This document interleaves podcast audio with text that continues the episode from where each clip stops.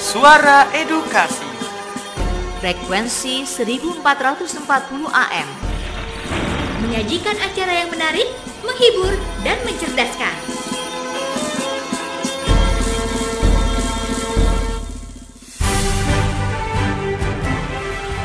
Selaras peristiwa dan dinamika seputar dunia pendidikan menjadi topik menarik untuk kita diskusikan. Talk show Bintang Edu, bincang-bincang tentang edukasi.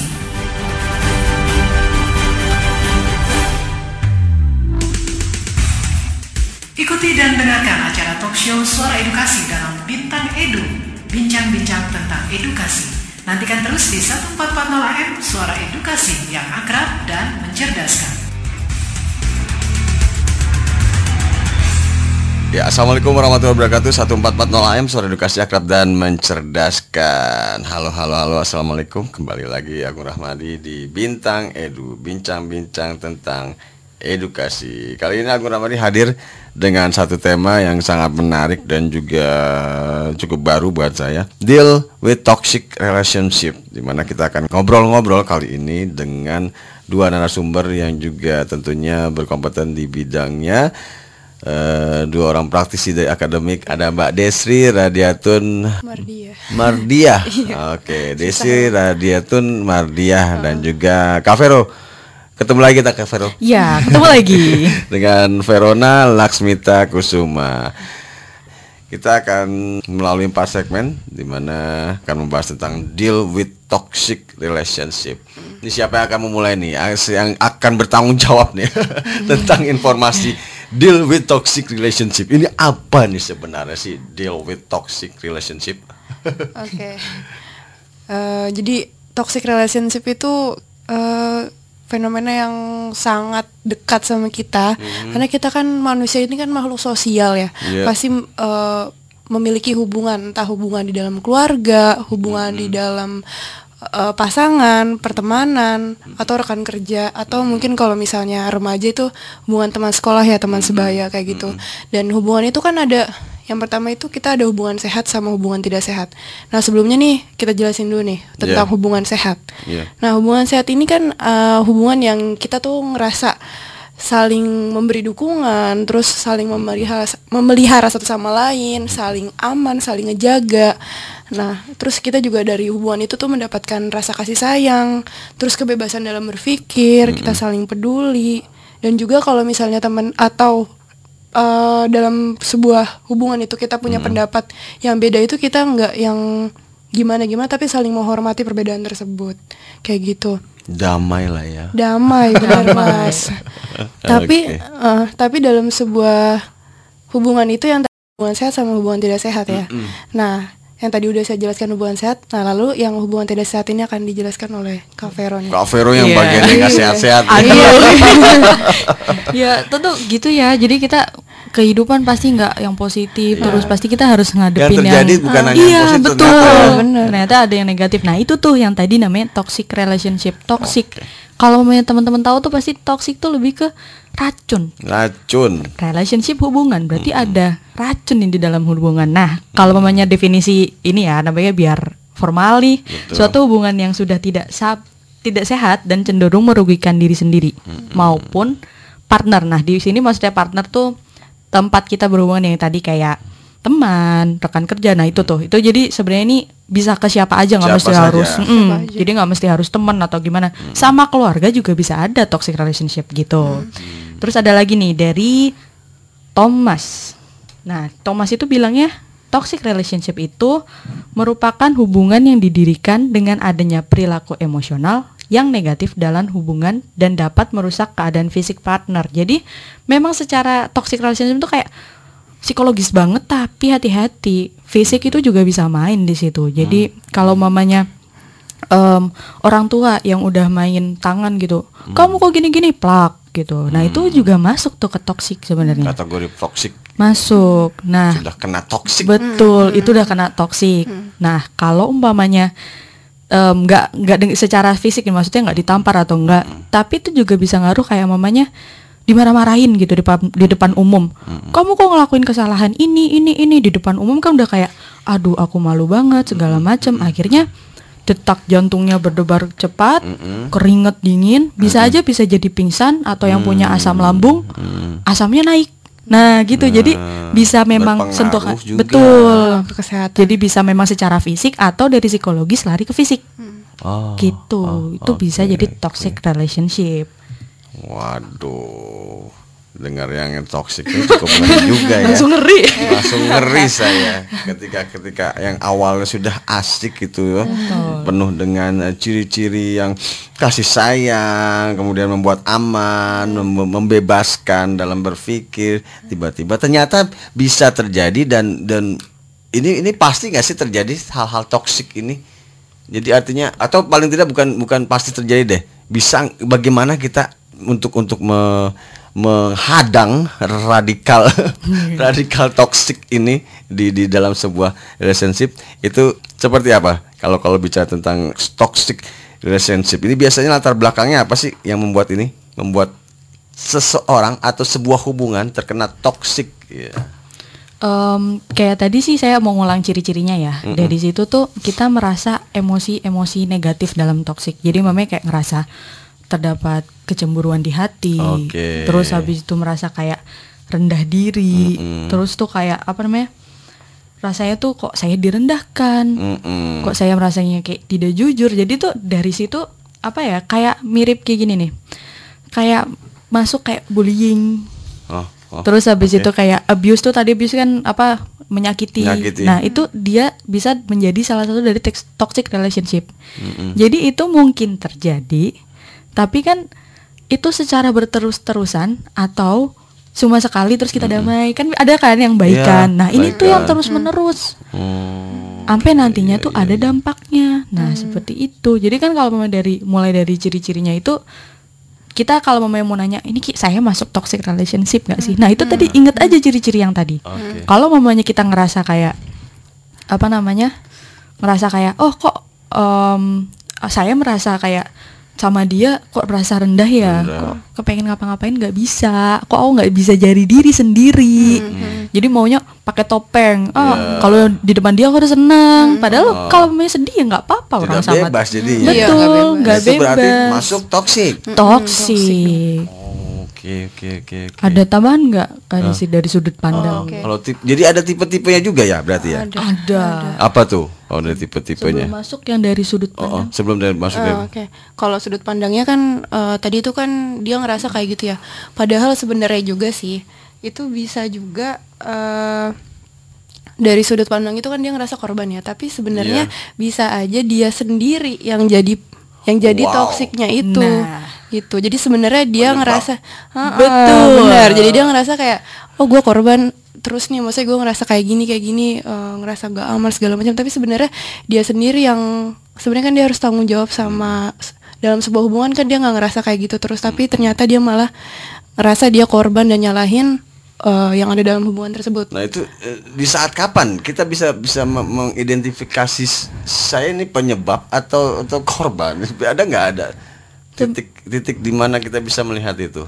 Sebenarnya itu tuh yang agak sedikit sulit karena kan memang terkadang kita tuh pengennya kayak aku korban, aku korban. Padahal bisa berkaca, bercermin sendiri. Apa bisa dilihat? Pertama tuh kayak lihat dari lingkungan sekitar. Pasti akan kerasa auranya. Jadi kayak kok kayaknya temen kalau ngomong cuma semenit dua menit sih, habis itu pergi.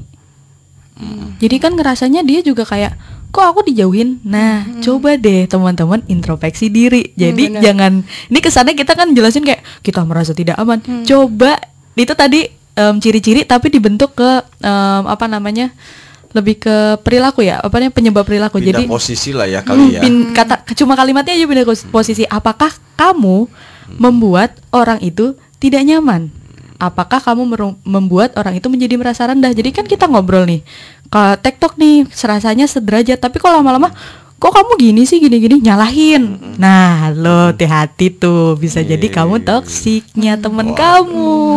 Kadang kita memang lebih mengutamakan diri sendiri untuk untuk Iya. bilang kok saya korban gitu Hmm, ya. Iya. sering kali tapi sih tapi ternyata setelah setelah berkaca ber, ber, ber- apa introspeksi ternyata saya toksiknya ya. Iya, apalagi kalau dalam remaja kan biasanya iya, remaja itu sekali kalau di Oh, remaja itu remaja sekali ya. itu. Kalau kalau saya lihat di mana eh, tadi saya juga sempat baca juga kalau usia-usia remaja dari dari eh, sampai usia dari berapa tuh sampai 20 itu termasuk masa-masa pencarian diri, kemudian pembentukan identitas.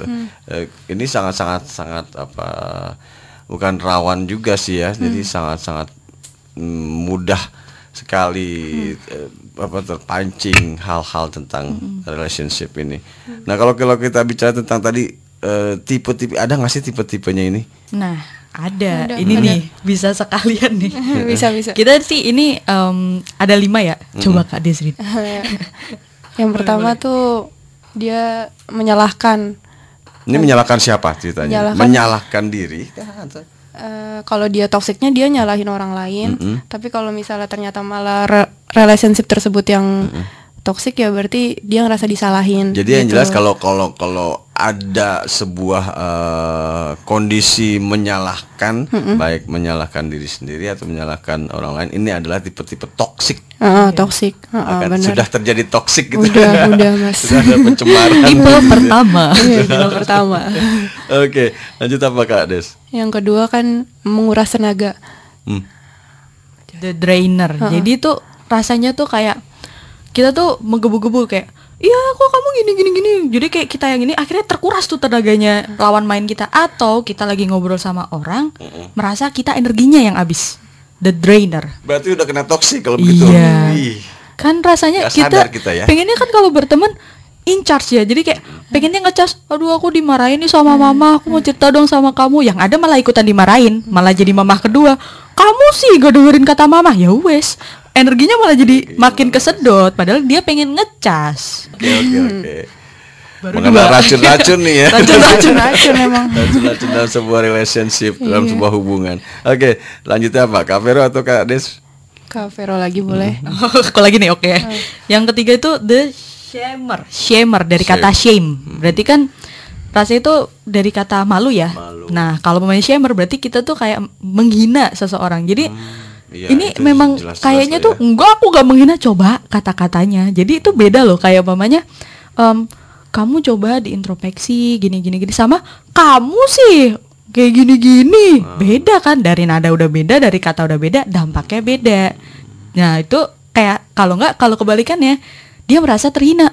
Kok dikit-dikit aku begini aku salah sih? Mana di depan umum? Nah itu berarti udah kena toksik atau menjadi toksik Oh, toksik itu bisa bisa bisa berarti bisa di- dikatakan bisa ngeracuni juga diri kita sendiri ya walaupun art- artinya kita kita sebagai toksik tapi kita sebenarnya meracuni diri sendiri itu bisa ya. Betul, Benar, bisa. Oke, ya ya ya ya. ya, nanti ya. kan dijauhin temennya jadi merasa kayak kita kan pengen saling merasa aman kan nggak cuma satu arah kan. Tapi kalau mamanya nanti merasa nggak aman dia mau nyari keamanan ke mana lagi nih? Kalau ke temen aja nggak bisa ke keluarga nanti toksik juga ke masyarakat toksik waduh gimana dong. Iya. Oke. Next lanjut. Ada ada ada ada lagi tipe-tipe? Ada. Ada. yang selanjutnya tuh dis discounter atau mengabaikan. Jadi dikit-dikit ngabain dikit-dikit ngabain. Terus kalau kebalikannya berarti merasa diabaikan. Itu merasa kayak lebih keberadaan mungkin ya kayak orang tuanya pergi keluar kerja terus pengen ngomong sedikit kok nggak bisa. Kalau ke temen kok dia ngomongin umpamanya suka ngomongin K-pop. Oke. kok aku ngomong sama dia nggak nyambung ya? Padahal aku juga suka K-pop. Kok dia sukanya sama gak apa grup band yang ini? Aku ngomong ini dia kok nggak mau dengerin? Nah kan jadi merasa terabaikan atau dia yang malah mengabaikan. Ya nggak mau. Di posisi mana Heeh, gitu lah ya. aku maunya kalau orang-orang mau ngomong sama aku itu ini. Nah dia yang jadi toxic. Oh iya iya iya. Ciri-ciri yang eh, tipe yang Hmm. ini wah eh, aktivitas baik mengabaikan atau atau diabaikan ini udah sudah Betul. toksik juga lah ya. Waduh, aja nih. harus, harus lebih harus lebih detail melihat diri sendiri dulu kalau kalau Iya, saya jadi berpikirnya nih. benar, Kita benar. masuk masuk tipe-tipe yang seperti apa nih? Eh, Sudah terkena tipe apa nih? masuk yang mana nih masuk yang mana nih? Oke, lanjutnya ada lagi? Masih? Terakhir nih. Yang terakhir. Oke, sip. sebenarnya kayaknya masih banyak cuma lima aja ya Lima aja, lima yang aja. terakhir ini the gossip nah udah tahu Hmm, ini mah kalau gosip-gosip pak suka ngomongin orang Nah, kalau Iya. Gibah. Nah itu kayak apa ya kita kalau mamanya membicarakan orang tuh kayak em, kayak merasa kayak kurang terus. Bahkan Oke. kita juga membicarakan orang kurang ya terus. Jadi kan oh tuh orang tukang gosip. Ya udah kan jadi pertama dari dia juga udah dijudge duluan kan. Jadi kayak ya toxic juga untuk yang ini itu bahaya banget. Karena bisa masuk ke bullying. Oh iya betul. Ketika ketika Mm-mm, bisa. apabila misalnya sudah sudah meng- me- me- menggosipkan yang hal-halnya misalkan memburuk membuat buruk memburuk-burukan ini, itu sudah sudah bullying ya jelas ya di di, di apa tipe-tipe toxic ini. Jadi kalau kita kembali ingat kembali ada ada ada the the blamer. Nah, lalu ada the drainer menguras tenaga, the shamer yang menghina, lalu ada the discounter yang mengabaikan dan yang terakhir ada the gossip. Walaupun masih banyak lagi ya, Kak Vero ya, Kak Des. Betul. Jadi ada tipe-tipe yang eh, lainnya yang juga mungkin bisa jadi model-model tipe-tipe toxic ini. Nanti kita akan kembali me- mem- apa namanya menuntaskan toxic-toxic yang terjadi di relationship kita sehari-hari.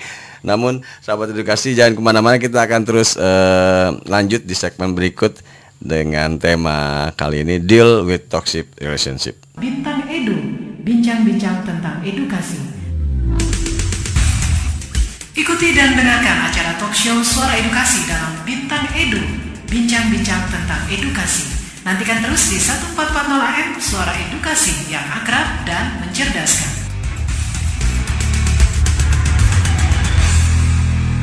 Dari Jalan RE Marta Dinata Ciputat 1440 AM Suara Edukasi Akrab dan Mencerdaskan. Masih aku Ramadi di Bintang itu dengan Kak Desri Dan juga Kak Vero. Ya Oke seru. Kita masih deal with toxic nih ya. Masih deal with toxic toxic relationship Di mana tadi ada sudah tipe-tipe yang sudah disebutkan eh, oleh Kak Vero dan Kak Desri Kalau eh, di ketika ada tipe-tipe the blame, the drainer, sma- shamer dan juga lain-lainnya. Ini termasuk sudah terkena toxic. Ini masuk tipe mana nih kita nih? Apakah kita yang jadi korban atau kita jangan-jangan yang memang mengorbankan? Ini sangat seru sekali. Oke kita kita akan lanjut. Kali ini sedikit eh, mengulang deh tentang hubungan yang sehat. Saya ingin kembali ke tentang hubungan yang sehat sedikit lagi eh, mundur tentang hubungan yang sehat. Karena memang kita ingin selalu hubungan ini sehat. Ini kita ingin saling eh, apa namanya saling bisa diberi kebebasan, rasa aman, nyaman, dan kemudian menerima kasih sayang, tidak tidak juga apa ada batasan, terutama ant- antara orang tua ke anak. Bahkan yang lebih kalau kita lebih mau spesifikkan ke remaja antar teman. Nah, kalau dari Kak Vero atau juga Kak Desi kita bicara tentang relationship yang sehat. Ini ada nggak sih misalnya mungkin harus apa gitu ya? Harus apa supaya jangan kena toksik gitu loh. Atau atau bisa nggak kita menghindar? Ada nggak sih sedikit aja tips-tips untuk untuk remaja mungkin? Bocorin dikit ya Bocorin dikit ya. bocorin dikit deh yang pertama kita balik yang tadi ya yang tipe segala macam itu sebenarnya pertama tuh pasti kenalin diri dulu kenalin diri sama dampaknya. Dari situ kan kayak tadi tuh em, saya merasa jadi korban. Kita juga jadi merasa kayak kasihan segala macam. Ya emang korban gitu harusnya dilindungi. Tapi dilihat dari merasa jadi jadi pelaku ya itu juga bukannya kita ingin kamu menyalahkan diri kamu bukan gitu loh. Jadi ini juga demi untuk diri kamu sendiri karena kamu yang bertanggung jawab dengan perasaannya sendiri. Jadi kan kalau mamanya kita menjadi toksik sebagai eh, untuk ke orang lain dia nanti bisa dijauhi itu sering sekali melihat ke kondisi Iya. seperti itu eh, sering sekali misalnya anak anak ke orang tua itu sering sekali anak Sering sekali kan? menganggap dirinya jadi korban-korban gitu juga ya Jadi ya kenalin diri dulu Kenalin diri. dan kenalin partnernya gitu. Jadi apakah itu temannya, orang tuanya. Jadi kalau umpamanya memang em, beliau adalah toksiknya, ya kita nanti harus melakukan apa. Nah, tapi kalau kita toksiknya kan kita masih ke diri dulu ya biar kamu kenalin kamu tuh blamer atau apa. Nah, bisa tuh direjus, bisa kan aku apa coba perhatiin umpamanya dia suka menyalahkan orang ya be- sebenarnya tuh niatnya baik gitu. Pamannya mengingatkan kamu tuh orangnya gini gini gini. Ternyata sebenarnya tuh dia baik. Cuma kata-katanya yang salah gitu loh. Jadi maksudnya Kavero di sini coba kalian introspeksi diri untuk kalian kok. Bukan kita pengen ngejudge atau bikin kayak polisi kamu salah. Enggak gitu loh. Ini buat kamu sendiri kok. Jadi pertemanan kalian terjaga keluarga kalian terjaga masyarakat pun juga melihat kamu juga udah enak gitu loh. Jadi amannya itu dapat amannya dapat kasih sayangnya dapat segala macamnya dapat jadi jangan toksik ya Lanjutnya untuk bagaimana kita bisa ngelihat kita tuh terjebak apa enggak. Jadi tuh Mm-mm. saya tuh masuk ke toksik gak sih kan dari Bener, tadi kita bener. ngomong tipe tipe. Heeh. Aku enggak ah coba. Ini ada Jadi ini kayak ala, ala- kita, Iya. kita kita bermain alat ukurnya. alat ya. ukurnya nih. Eh, coba. kita udah terjebak Eh, apa eh, belum atau kita apa belum. melakukan itu sebagai korbankah kita atau ini ada alatnya ya. Ini alatnya. alatnya. Boleh Kak Disri? Oh boleh boleh.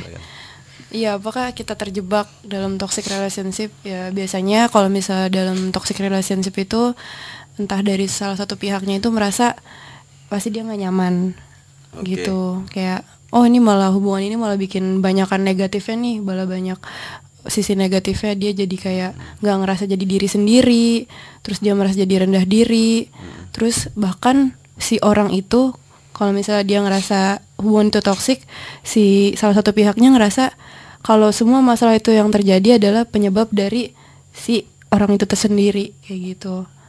Diri ya- sendiri gitu ya. Ya, diri sendiri bener banget. Dan biasanya kalau dari remaja itu biasanya dia bakalan mencoba narik diri, narik diri dari dari hubu apa dari kegiatan-kegiatan sosial gitu. Kayak gitu. Oke, ketika merasa Dia tidak nyaman. tidak nyaman. Itu alat ukur yang pertama. Oke, lanjut. Dari Ada lagi? situ sih sama yang tadi yang ciri-ciri itu. Pokoknya kalau memang kita udah merasa itu akhirnya cermin sih. Cerminin aja ke kalian. Jadi kalau merasa kaliannya udah nggak nyaman itu diulang-ulang aja tuh. Kayak kok aku harus selalu pakai topeng sih? Padahal aku anaknya ceria tapi kok aku kalau di depan dia harus kalem? Atau sebaliknya dia malah harus ceria terus karena temennya ceria. Padahal kita kalau mamanya berhubungan pengen sehat pengen merasa nggak terjadi beban apa pun yaitu kamu harus jadi diri sendiri. Gampang tuh. Ini gampang loh nilainya loh. Oh, Kok- karena kuncinya itu. Jadi kalau mamanya merasa kayak ah kok aku rendah diri? Nah itu tuh kita harus di middle. Kalau ngerasanya udah tinggi diri nah berarti dia penyebab. Kalau dia merasa rendah diri berarti Oh, dia yang berarti dia- gitu. iya. jadi Iya, dari yang iya, disebutin Kak Desri tinggal itu tuh kamu penyebab masalah apa kamu yang disalahin terus? Nah dari situ kan kita dapat poin tuh umpamanya nih em, saya contohin ya saya merasa kok saya sama Kak Desri ngomong kok nggak nyambung udah mulai nih. Berarti poin satu udah nyampe. Terus yang kedua tidak dapat menjadi diri sendiri. Aku kok sama Kak Desri rasanya kalau ngomong harus ditata harus sopan. Padahal kan aku anaknya ceria gitu. Iya. berarti aku udah masuk poin dua. Poin tiga kok aku kayak di depannya Kak Desri kok rasanya kayak jadi apa ya? Kok aku nggak pede sih? Nah itu udah dapat poin tiga. Yang keempat nih kok aku rasanya disalahin mulu sama Kak Desri? Poin empat. Nah yang kelima nih aku nggak mau temenan sama Kak Desri lagi. Nah coba. itu lima poin saya korban berarti. Gitu. Nanti kalau kebalikan berarti dia pelaku. Nah udah tuh gampang kan? Tinggal bolak-balik saja sebenarnya. ya, bener tinggal dari- bolak-balik. Dari cuma ukurnya. tinggal kitanya aja mau jujur apa enggak. Ah, ah, ah, ah. Bukan Iya. jadi korban atau jadi kita bukan polisi kok di sini Kak Vero sama Kak Desri bukan polisi Iya, ini buat kamu gitu menghakimi yang jelas-jelas gitulah ya. Nah kalau kalau eh, seseorang kita bicara soal seseorang nih ya, kita seorang satu, entah nantinya dia akan jadi eh, korbannya kah atau dia sebenarnya menyebabkan terjadinya toksik ini, ini mungkin nggak sih sebenarnya eh, muncul sebenarnya dari rasa keta- ketakutan yang berlebihan. Artinya ketakutan yang berlebihan kayak kayak misalnya gini, eh, khawatir terlalu khawatir gitu loh dengan dengan sebuah, sebuah hubungan jadi akhirnya dia mengulang-ulang diri sendiri nggak nggak nyaman gitu Eh, rasa ketakutan berlebihan ini bisa bisa jadi nggak sih sebenarnya sebagai rambu-rambu penyebab s- sebuah relationship bisa jadi toksik Iya ketakutan. Iya dia eh, biasanya dengan hal-hal tadi yang udah disebutin sama Mas tuh eh, itu bakalan jadi apa amarah tuh gampang banget dia gampang marah terus dia eh, dari marah itu muncul lagi jadi depresi dan yang terakhir dia cemas. Kayak gitu. Jadi menyebabkan yang intinya sih menyebabkan toksik ini eh, sulit untuk dia bakalan berkegiatan lebih produktif sih mas. Maksudnya dia bakalan em, tadi mungkin dia narik diri segala macam jadi dia sulit untuk tadi dia misalnya tadinya anaknya ceria jadi kebalikannya kayak gitu yang padahal mungkin awalnya dia dia e, kalau saja dia tidak tidak apa takut berlebihan sebenarnya jadi tidak akan menjadi toksik gitu loh seperti itu ya ya. Iya, itu masuk efek samping. Iya, Efek samping ya. efek samping ya, benar. ya. Dampaknya sebenarnya. Kenapa sih kita bahas toksik ini dari tadi? Nah, itu. Oke oke. Jadi nggak produktif, oke. Jadi apa? Sebenarnya tadi solusinya tinggal bolak balik lah ya untuk untuk melihat rambunya bolak balik itu maksudnya eh, dia ini penyebab atau apa atau atau dia yang korban ini sebenarnya tinggal di, diposisikan saja kalimat aktif dan pasifnya ya ya. Kalau dia ini eh, ketika dalam sebuah hubungan sudah kena toksik apa belum? Ini kayaknya kita bisa nyambung sih karena kan emang dari tadi kita bahas toksik nih sebenarnya kenapa sih? Karena itu masuknya nanti ke dampaknya itu ibarat kata kita dikasih racun. Biasanya kan apa sih efek racunnya? Nanti kita bisa sesak napas, bisa eh, mungkin terakhir-terakhirnya para-paranya bisa meninggal. Nah, ini nih. Ini kenapa bisa eh, apa namanya toksik itu berbahaya buat kita. Nah, itu hati-hati buat teman-teman yang merasa jadi toksis toksik atau yang jadi Sudah korban toksik. toksik. Bener karena namanya juga racun gitu. Kita kan berarti harus apa ya? Kayak kita harus menghadapi dampaknya. Dampaknya tuh yang tadi itu kita jadi berantem kan sama teman. Berantem sama temen, berantem sama orang tua, berantem sama masyarakat. Dari situ padahal tugas remaja itu kan untuk punya identitas diri. Eh akhirnya kok aku jadi kayak nggak diterima di masyarakat, nggak diterima di keluarga, nggak terima sama. Jadi kayak identitasnya hilang tuh mas merasa kayak dirinya udah nggak aduh nih gimana ya kayak udah merasa nggak nyaman gitu. Itu balik lagi kan kayak yang tadi. Jadi sebenarnya kayak em, kalian bisa lihat dari em, ini sih dampak yang lebih parah ya. Itu tadi sebenarnya udah di key point sama Kak Desri itu yaitu hidup. Jadi kalau mamanya di hidup itu dia udah mulai nggak produktif jadi itu bisa kan kayak yang habis dibully. Dia nggak mau keluar dari rumah. Itu contoh tuh. Berarti dia kan nggak bisa sekolah. Iya. Nah, berarti dia gak apa ya? Dia merasa kayak udah kehidupannya udah nggak berjalan tuh, gitu. Ah, ah, apalah gunanya lagi gitu ya. Ya, kalau kalau dia eh, sudah dilabelkan eh, sebagai apa katakanlah yang tidak bermanfaat ya Iya. sampai sampai separah itu dikatakan seperti eh, artinya dampak eh, titiknya adalah di situ gitu loh jadi ya nggak bisa mentok lah ya Mentok. Padahal kan kita kehidupan kan berjalan. Sedangkan kita punya tugas kayak umpamanya kita harus beribadah. Nah, itu kan bisa kalau kita ngeblamingnya ternyata jadinya ke Tuhan. Akhirnya, aduh, aku nggak mau lah sholat lagi. Aku nggak mau ke gereja lagi. Lah, pia toh gitu kan. Jadi nanti efeknya ke dia untuk sisi agama nih. Kalau umpamanya nanti sisi yang teman atau segala macam, menarik diri Iya, nggak punya temen. Padahal dia butuh kan di keluarganya ada masalah, butuh temen. Kerja kelompok butuh temen. ada anti toksiknya nggak Nah, Ada, ada, ada, ada. Ada racun, ada penawarnya ada dong. penawarnya. Nanti kita akan ngobrol penawarnya deh. Karena memang ini ini eh, sangat membuat saya sedih. Kalau ngomongin soal racun ini sangat membuat saya sedih. Artinya eh, manusia kan makhluk sosial. Tentu eh, apa kita selalu berhubungan dengan orang lain, dengan orang tua, dengan teman, dengan masyarakat dan juga tentunya ingin sebuah eh, hubungan atau juga eh, relationship yang yang sehat. Tadi di awal juga kita sudah membicarakan hubungan yang sehat ini adalah hubungan yang saling memberi dukungan, memelihara satu sama lain, kemudian berciri-ciri eh, membuat rasa aman, bebas berpikir, peduli, akhirnya s- sangat-sangat tidak menginginkan efek-efek terkena toksik sehingga sampai menarik diri. Ini ini sangat sangat penting untuk untuk dicari anti toksiknya di mana segmen selanjutnya kita akan membahas tentang itu mungkin ya Kak Kak Vero ya betul. anti toksiknya itulah jangan apa namanya jangan menarik diri lah. Jangan jangan menjadi merasa dirinya yang paling disalahkan atau bahkan ternyata dirinya eh, seorang yang sering menyalahkan. Tenang, tenang, tenang. kita akan mendapatkan dari dokter-dokter ini. Dari KD Kak Desi Kak Desri dan juga Kak Vero. Yang mana kembali tentunya sahabat edukasi bintang itu terus mengundang untuk berpartisipasi di WhatsApp-nya 081325261440. Bintang Edu, bincang-bincang tentang edukasi. Ikuti dan dengarkan acara talk show Suara Edukasi dalam Bintang Edu, bincang-bincang tentang edukasi. Nantikan terus di 1440 AM Suara Edukasi yang akrab dan mencerdaskan.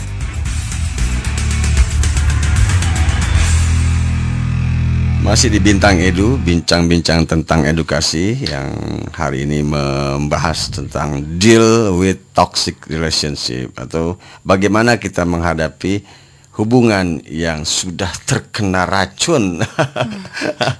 Bersama Kak Agung ada Kak Desri dan juga Kak Vero akan menjadi dokternya.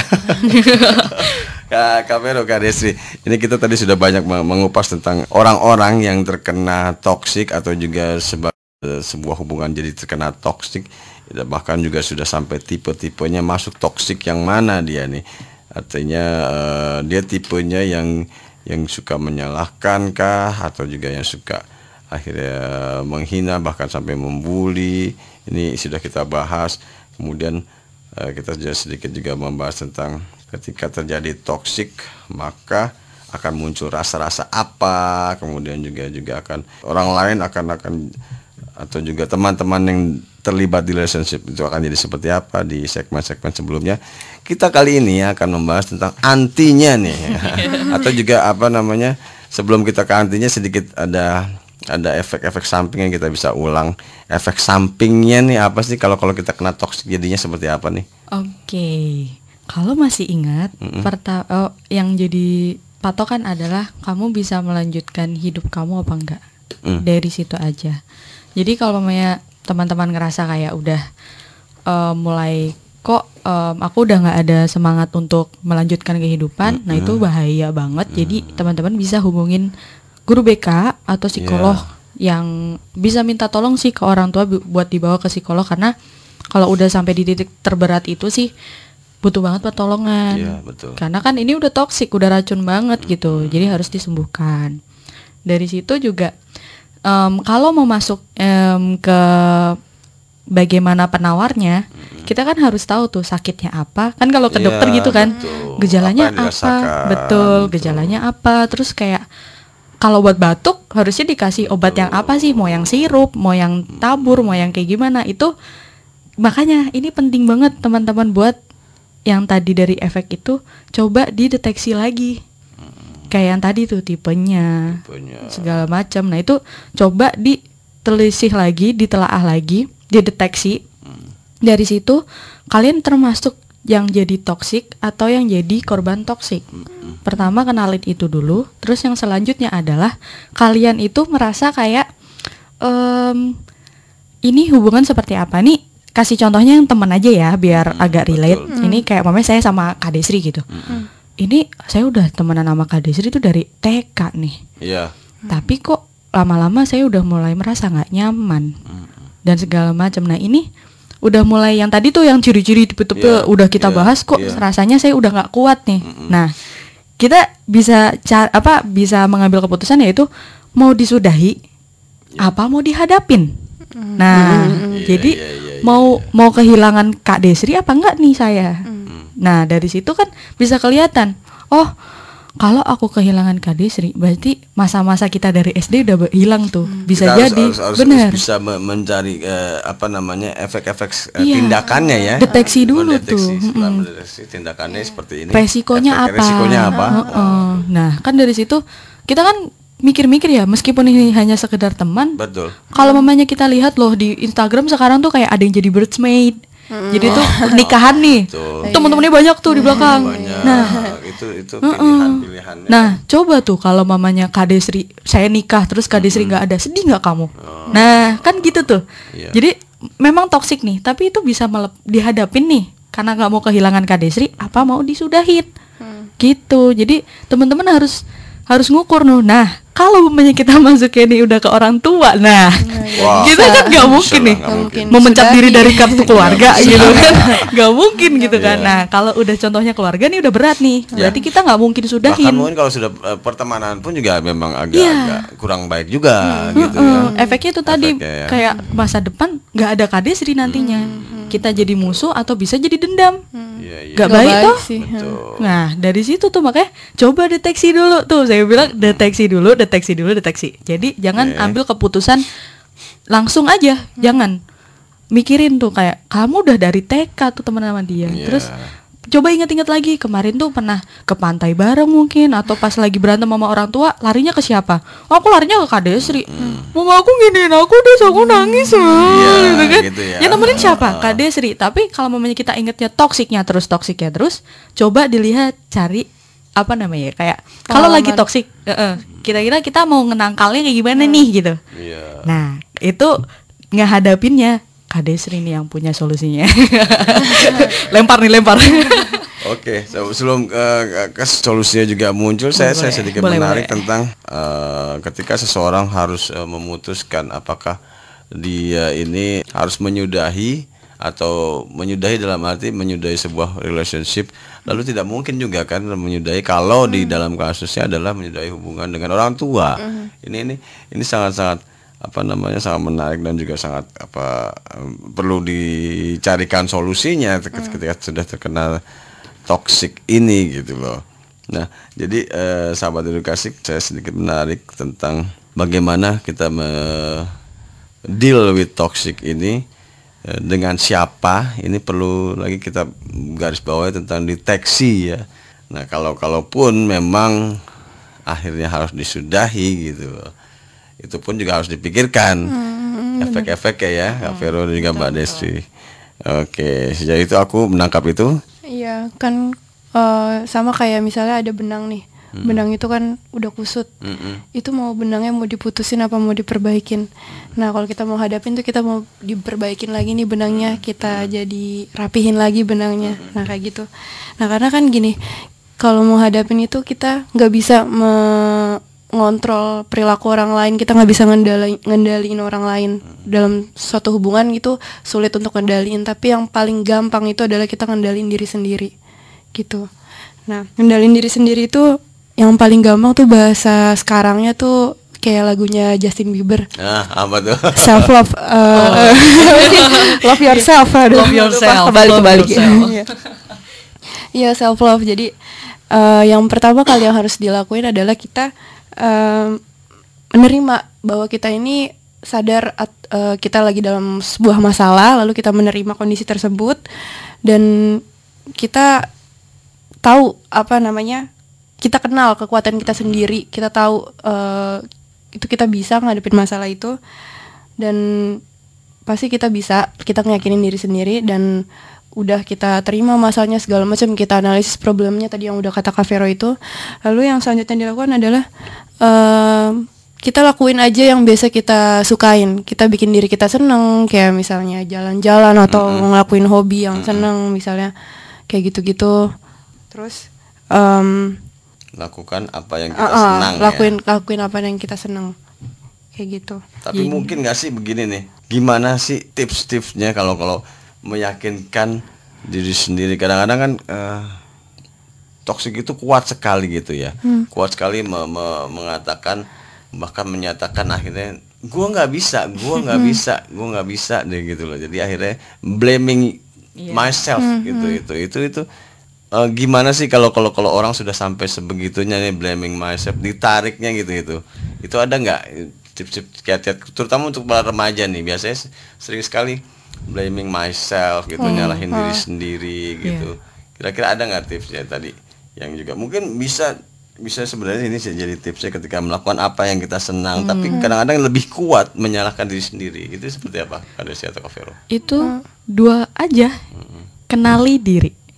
Pertama itu dulu. Jadi yang tadi Kak Desri bilang harus diterima negatifnya. Jadi kan kadang kita tuh kayak nolak. Iya. Aku nggak mau gini. Ini tuh nggak boleh terjadi segala macam. Terima aja itu udah terjadi. Tidak bisa dirubah kita nggak bisa kembali ke masa lalu. Jadi terima dulu. Eh itu tapi itu tadi kalau udah sampai yang tahap perlu bantuan berarti kamu harus cari bantuan. Hmm, iya. tapi kalau mamanya kita kan namanya juga orang uh, ada hambatan ya mungkin Iya. nggak bisa ke psikolog nggak bisa ke konselor. Nah itu kenalin diri. Jadi mamanya em, saya pernah ada kasus teman saya itu bener-bener kayak ngerasa em, dia marah sampai nonjok tembok pokoknya sampai sampai dirinya ter, apa berbahaya kan bagi dirinya. Membahayakan dirinya. Uh-uh. Nah itu berarti kan dia harus mengenalin diri sebelum nanti dia meledak.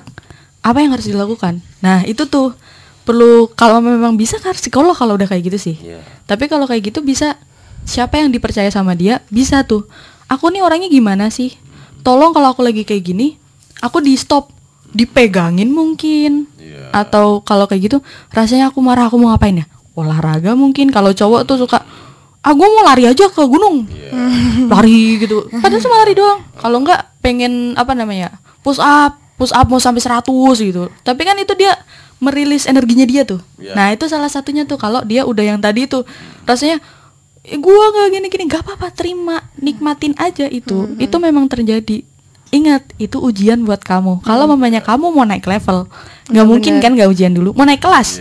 Masa nggak ujian? Enak banget kan gitu. Jadi dalam hidup tenang aja dari sedihnya kamu ada kok nanti kebahagiaan yang selanjutnya. Nah, jadi sahabat edukasi di luar sana terutama yang remaja nih ini, ini, ini keywordnya itu kenali diri. kenalin Ya, diri. jadi jadi apa namanya apalagi sudah ter- terjadi misalnya blaming myself menyalahin diri sendiri ya terlalu berlebihan kita juga harus lebih eh, mengenali diri yang berlebihan juga. Artinya berlebihan artinya Iya. lebih banyak lagi ya untuk dijadikan eh, anti toksiknya ini gitu ya. Karena memang dari sini kita kita bisa melakukan seperti apa apa saja yang kita mau lakukan apa yang kita mau. Kayak tadi olahraga atau juga eh, bermain musik atau kalaupun iya nulis atau kalau kalau memang perlu eh, bantuan ke guru guru BK kalau memang sudah sudah eh, tidak bisa melakukan itu sendiri gitu loh bantuan. Atau eh, kasih rambu-rambu ke teman gitu ya. Iya iya. Tolong ingatkan. Jangan malu, jangan malu untuk ngomong itu. Terutama juga mungkin ini juga penting untuk orang ke, ke orang tua ya. Iya betul juga. Karena harus tadi- sensitif tuh. Betul anaknya sensitif. lagi anaknya gimana lagi seperti nih? apa?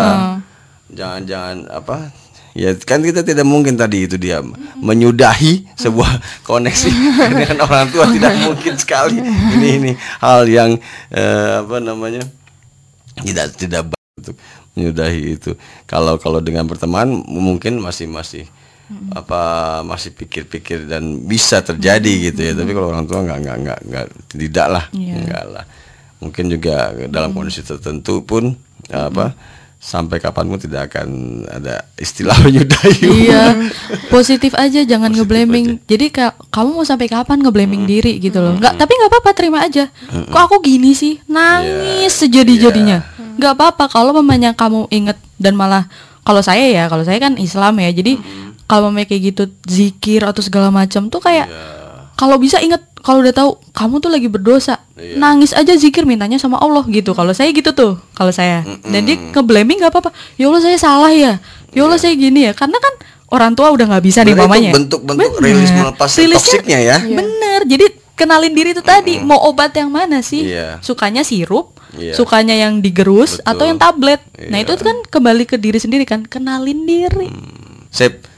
Kita akan mengenali diri setelah yang satu ini akan ada informasi lainnya di segmen ini segmen keempat berarti ya terakhir ya.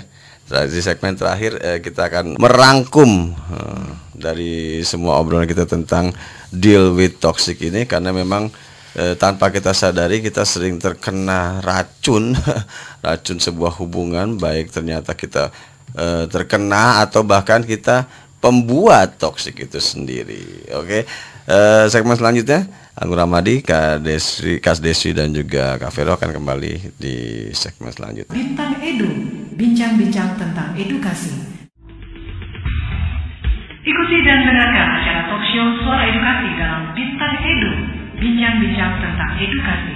Nantikan terus di 1440 AM Suara Edukasi yang akrab dan mencerdaskan. Disiarkan langsung dari Jalan RE Marta Dinata Ciputat. 1440 AM Suara Edukasi Akrab dan Mencerdaskan. Oke, masih di Bintang Edu. Deal with Toxic Relationship. Di mana sahabat edukasi terutama nih yang remaja nih kita kita sering menemukan remaja-remaja yang galau, yang labil, yang ternyata kalau kita me- me- lebih dalam lagi melihat wah ternyata eh, apa ini sudah termasuk terkena toksik nih dalam sebuah hubungan dengan teman, dengan orang tua, apakah dia juga bahkan dia terkena atau juga sebagai pelaku pembuat toksik. Kita uh, di segmen-segmen sebelumnya sudah membahas tentang sebuah hubungan uh, baik yang sehat bahkan juga terkena toksik di mana kita sebenarnya memang sangat menginginkan sebuah hubungan yang sehat yaitu hubungan yang saling memberi dukungan, memelihara satu sama lain dan juga eh, membuat rasa aman, nyaman, bebas untuk untuk berpikir, bebas untuk berekspresi, lalu juga tentunya berefek saling care, peduli dan menyayangi dan tentunya menghormati perbedaan. Nah, ini penting perbedaan akan selalu terjadi dalam sebuah hubungan. Nah, Kak Vero, Kak Desi, di segmen ini kita akan apa namanya me- merangkum apa yang sudah kita bahas tentang deal with toxic ini bahkan dari juga how to deal with toxic ini sudah kita kita bahas dan kita akan rangkum di segmen ini.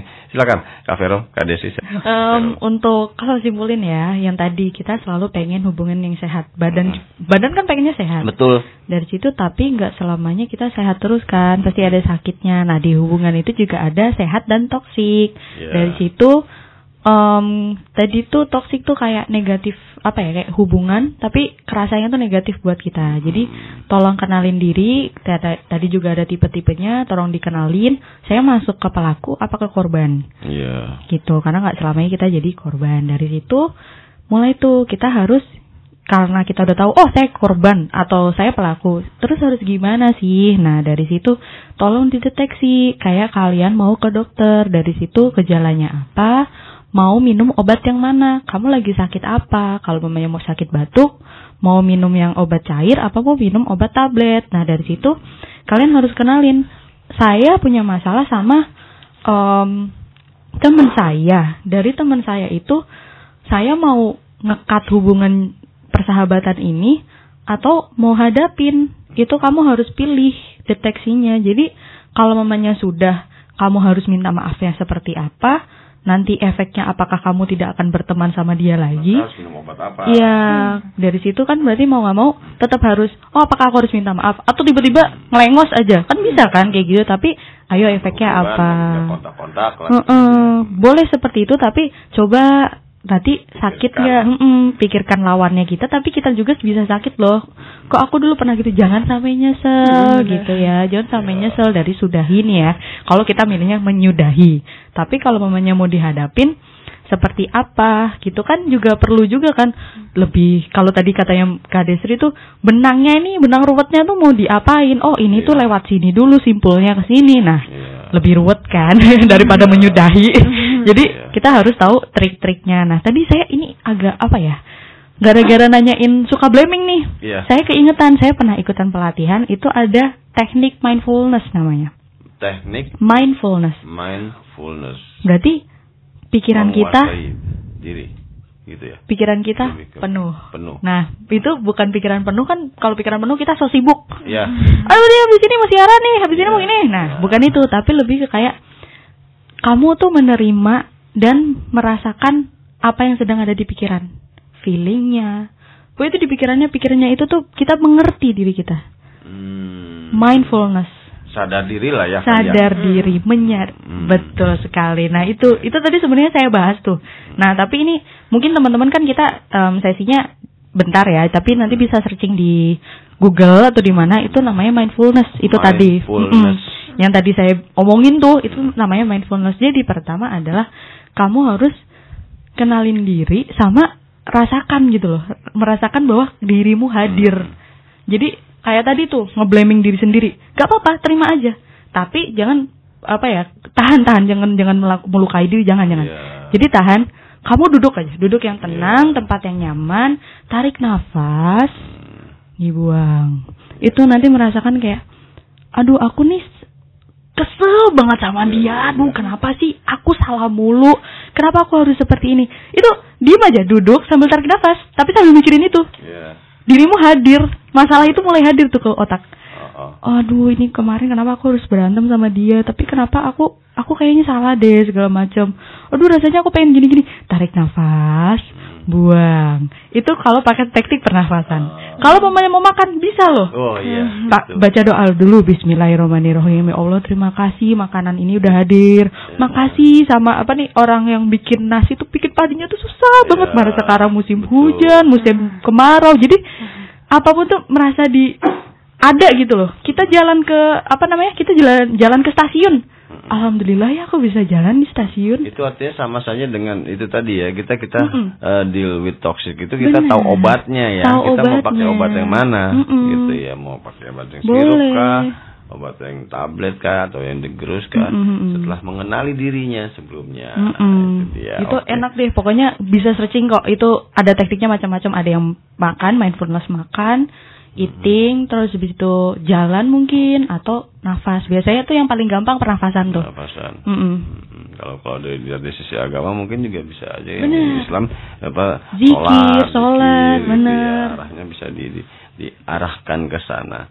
Oke, seru seru sekali karena memang di mana kita tadi adalah makhluk sosial yang juga tidak tidak lepas dari saling berhubungan baik dengan orang tua terutama lalu dengan teman-teman ternyata bisa terkena toksik. Dan juga kita harus bisa deal with toxic ini. Dan juga juga tentunya kita sudah masuk tipe-tipe yang seperti apa. Lalu juga tentunya tidak kurang bagaimana kita mengenali diri sebagai obat yang utama apakah kita harus dengan menyudahi atau juga me- menghadapinya? Itu menjadi pembahasan di bintang edu kali ini di mana temanya adalah deal with toxic bersama Kak Desri juga Kak Vero. Terima kasih. Iya, Ya, sama-sama. sudah bisa berbagi eh, toxic toksik jadi itu baru berbagi ilmu Obat. toksik obat anti toksiknya karena memang ini sangat penting di mana kita kadang-kadang kita tidak sadar ya Iya, betul, betul, Nggak betul. sadar ya Hmm. artinya nggak kepikiran kalau ternyata ini adalah racun gitu ya Mm-mm. atau bahkan ini saya jadi sedikit pengen nambah nih Ah, mungkin nggak sih ketika ketika seseorang eh, sudah eh, banget gitu ya dekat banget gitu ya ini geng biasanya geng yang entah geng laki-laki atau perempuan ini bisa nggak ini bisa disebut juga sebagai toksik nggak kayak ketika dua orang ini sudah udah udah udah berteman lama dan juga sangat sepemikiran lalu akhirnya menjadi toksik buat kelompok lain gitu loh. Oh, kelompok Ini- ya? Iya, ini, ini ini mungkin ada ada satu kelompok yang isinya lima orang. Dua orang ini ini sangat ber apa namanya berdominan sekali gitu loh ya. Jadi ini kita kita bicara so- soal toksik yang berkelompok gitu. ya. ini bisa jadi ya, bisa jadi terjadi ya. bisa jadi Bisa, bisa. jadi tapi ya itu tadi catatannya adalah kita tuh sebenarnya ini bisa masuk ke toksik apa enggak kan tadi kita itu mengganggu kehidupan apa enggak Hmm. nah kalau mamanya ternyata udah mengganggu nah itu udah toksiknya udah harus disembuhkan tapi kan namanya juga kayak racun lah kita kan sebenarnya tiap hari ketemu polusi Iya, betul. tapi kita masih resisten gitu masih Iya. tubuh kita masih bisa mem, apa menyembuhkan diri gitu. Jadi dikit-dikit kena pagi-pagi kena asap gitu. Oh pakainya masker gitu kan siap-siapnya. Nah tapi kalau pemain udah toksiknya ternyata ny- racunnya udah ular berbisa waduh gitu. Iya, iya, ya iya. jadi karena wajar lah ya apalagi eh, apa ya kalau mamanya pasangan suami istri. Nah Iya, itu udah itu. sudah berat tuh. Kalau mamanya kalau dari teman-teman tuh ya temen itu tadi apa bisa jadi ke guru? Iya. kan tiap hari harus ngadepin kan Betul. mau nggak mau tapi ya mau sampai kapan? Nah toksiknya itu udah kadar sampai mana tuh? Iya. berkelompok temen kok temennya ini gini sih? Nanti dia ngerasa kok kalau mamanya dia baik dia akan komunikasi sih. Jadi kayak kok kamu gini sih? Aku merasa kamu udah kayak gini. Bisa nggak kita perbaikin? Nah komunikasi. Hmm. kenali diri kenali teman. Balik lagi ke yang tadi sebenarnya. Ya, sip. Terima Terima. Mau jelas- terima apa enggak kalau nggak terima ya udah sudahi gitu Ya, itu dia yang kadang menyedihkan. Sudahi kata itu, sudahi. Tapi resikonya- Eh, resikonya juga Iya. tetap sih, Mas. dipikiri. Eh, eh, harus harus dipikiri hadapi atau sudahi. Nah, oke, sahabat edukasi, sebenarnya masih banyak yang ingin kita obrolin tentang dealing toxic ini, namun eh, karena sudah terbatas waktu, kita sudahi eh, toxic kita, obrolan toxic kita kali ini dan Eh, tentunya nantikan terus update-update eh, terkini obrolan-obrolan lainnya eh, seputar dunia pendidikan dan kebudayaan dan juga parenting juga yang sangat berguna untuk sahabat edukasi eh, dengarkan di suara edukasi yang tentunya akrab dan mencerdaskan. Terima kasih sekali lagi Kak Desri, Iya. Kak Vero, terima kasih teman-teman dari praktisi pendidikan akademik yang juga tentunya akan membahas tentang tema-tema di seputar psikolog dan juga dunia pendidikan lainnya. Dan dari studio, Agung Ramari pamit. Terima kasih rekan-rekan. Wassalamualaikum warahmatullahi wabarakatuh. Waalaikumsalam warahmatullahi wabarakatuh. Bintang Edu, bincang-bincang tentang edukasi. Selaras peristiwa dan dinamika seputar dunia pendidikan menjadi topik menarik untuk kita diskusikan. Talk show Bintang Edu, bincang-bincang tentang edukasi.